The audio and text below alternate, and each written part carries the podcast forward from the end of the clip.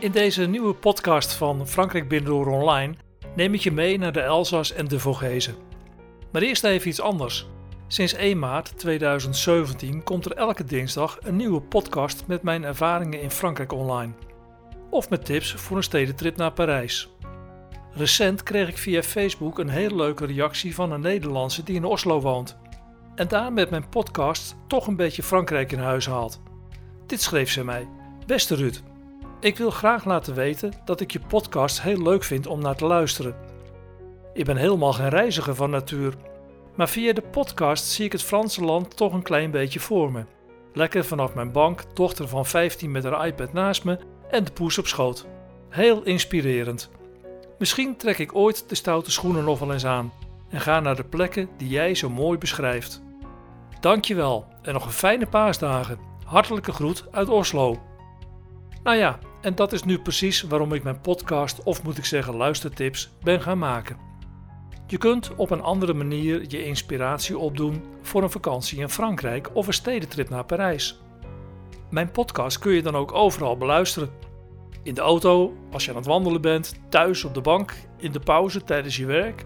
Verzin het maar en met je smartphone, tablet, laptop, computer of iPod kun je overal echt naar me luisteren.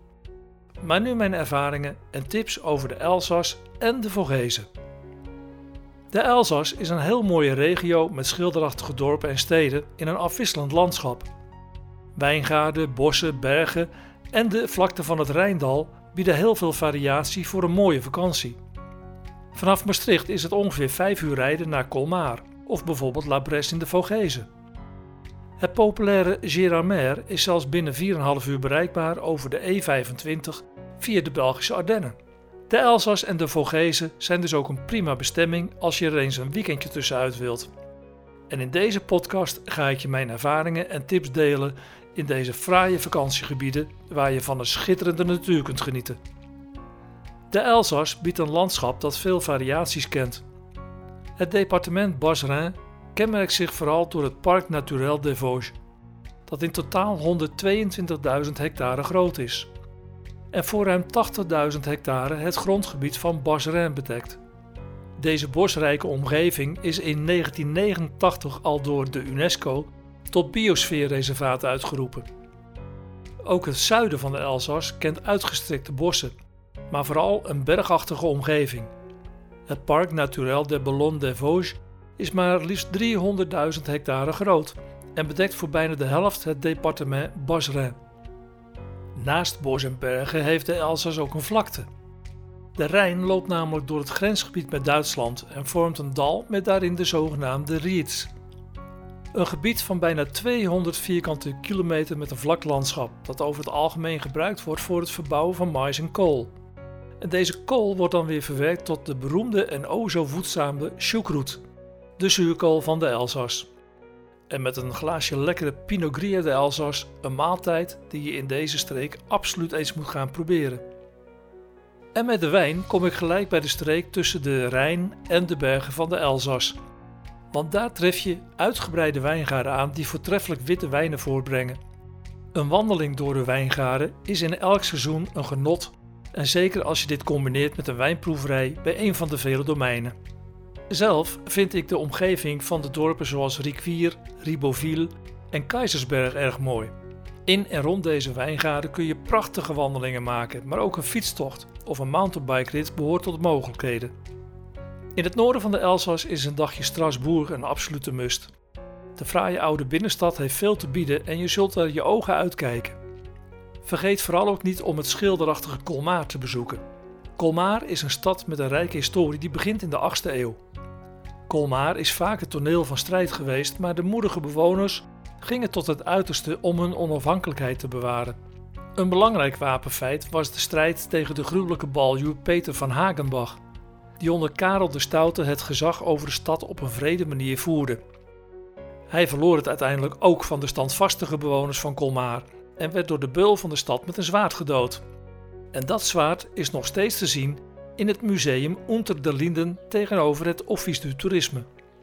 Bij het museum begint ook een prachtige stadswandeling die ik van harte kan aanbevelen. De beschrijving van de wandeling is voor een klein bedrag te koop bij het Office du Toerisme aan de Place des Linden.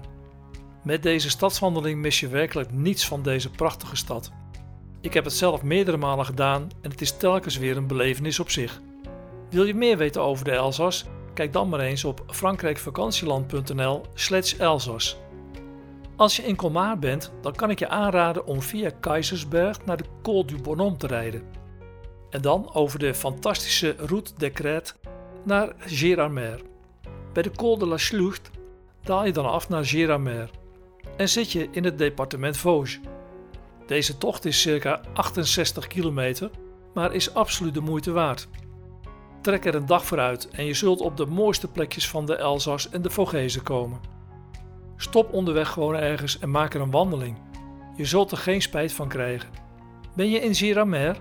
Dan heb ik nog een leuke tip voor je.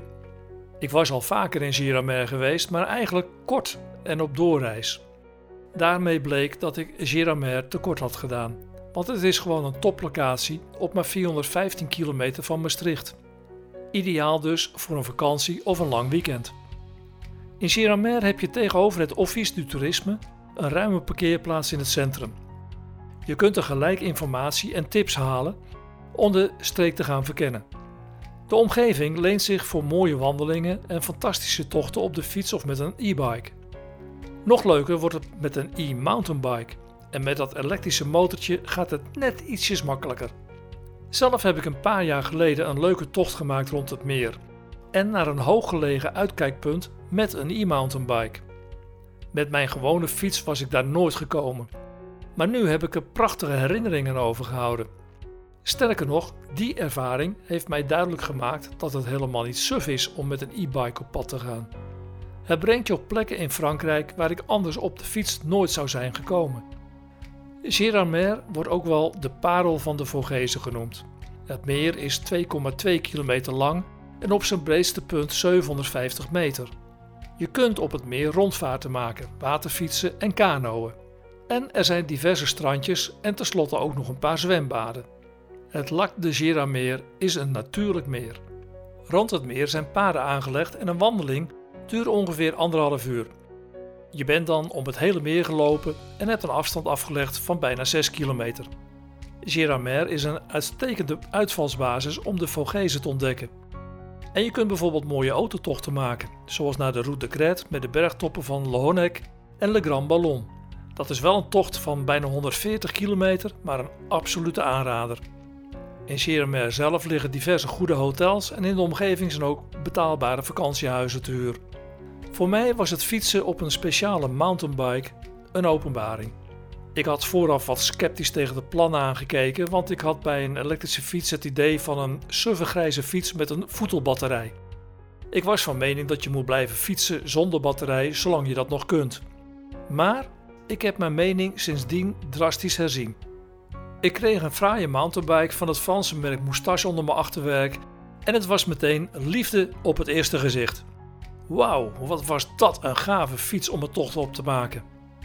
Nu was de geplande tocht met de gids eerst rond het meer van Gérardmer en dat is maar iets van 6 kilometer. Vanuit Gérardmer vertrek je dan tegen de klok in en rij je grotendeels op een fietspad en dat gaat vlak. Leuk met een elektrische aandrijving, maar niet een echte uitdaging. Maar als je bijna drie kwart rond het meer hebt gefietst kun je ter hoogte van het hotel Lego du Lac rechts omhoog. En daar begon meteen de uitdaging. De klim naar boven richting de Haute de is een behoorlijk lastige, met een paar scherpe bochten. Bovenop staat een uitkijktoren waar je een fantastisch uitzicht hebt over de omgeving. Je rijdt hier behoorlijk omhoog. En met omhoog bedoel ik ook omhoog. Je klimt in heel korte tijd van 662 meter naar bijna 880 meter. En dat had ik zonder mijn e-mountainbike nooit gehaald. Op mijn eigen fiets was ik waarschijnlijk al bij de eerste bocht buiten adem stil komen te staan. Maar nu fietste ik zonder probleem naar boven en aan één stuk. Naast de normale 24 versnellingen had ik een trapondersteuning met een Bosch middenmotor. Dit geeft een perfecte balans in de fiets. De accu zit op de schuine stangen van de fiets en lijkt uit de verte op een uit de kluit gewassen bidon. Hier is dus helemaal niks sufs aan. Ik ben helemaal om, maar dan natuurlijk wel met een mountainbike met hulpmotor. Het mooie is dat je in de Vogezen op tal van plaatsen elektrische mountainbikes en e-bikes kunt huren. en dus op dezelfde manier zoals ik dat heb gedaan de Vogezen in kunt trekken. Bovenop bij de uitkijktoren heb ik genoten van een prachtig uitzicht en ik weet zeker dat als jij dit ook eens gaat doen, je nog met plezier aan deze podcast zult terugdenken.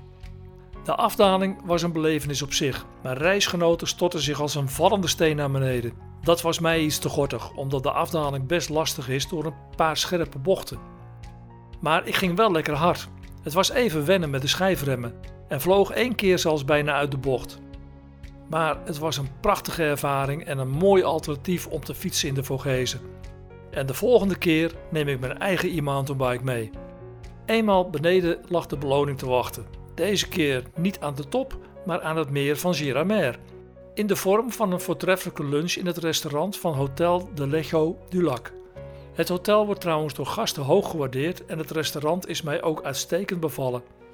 De ligging aan het meer is prachtig en ik had de luxe dat de mountainbikes bij het restaurant werden opgehaald, dus kon ik daarna met mijn reisgenoten in het zonnetje en op mijn gemak terugwandelen naar de auto's bij het Office du Tourisme. Gérardmer is een mooie bestemming voor een korte vakantie met kinderen of er lekker even tussenuit met z'n tweetjes.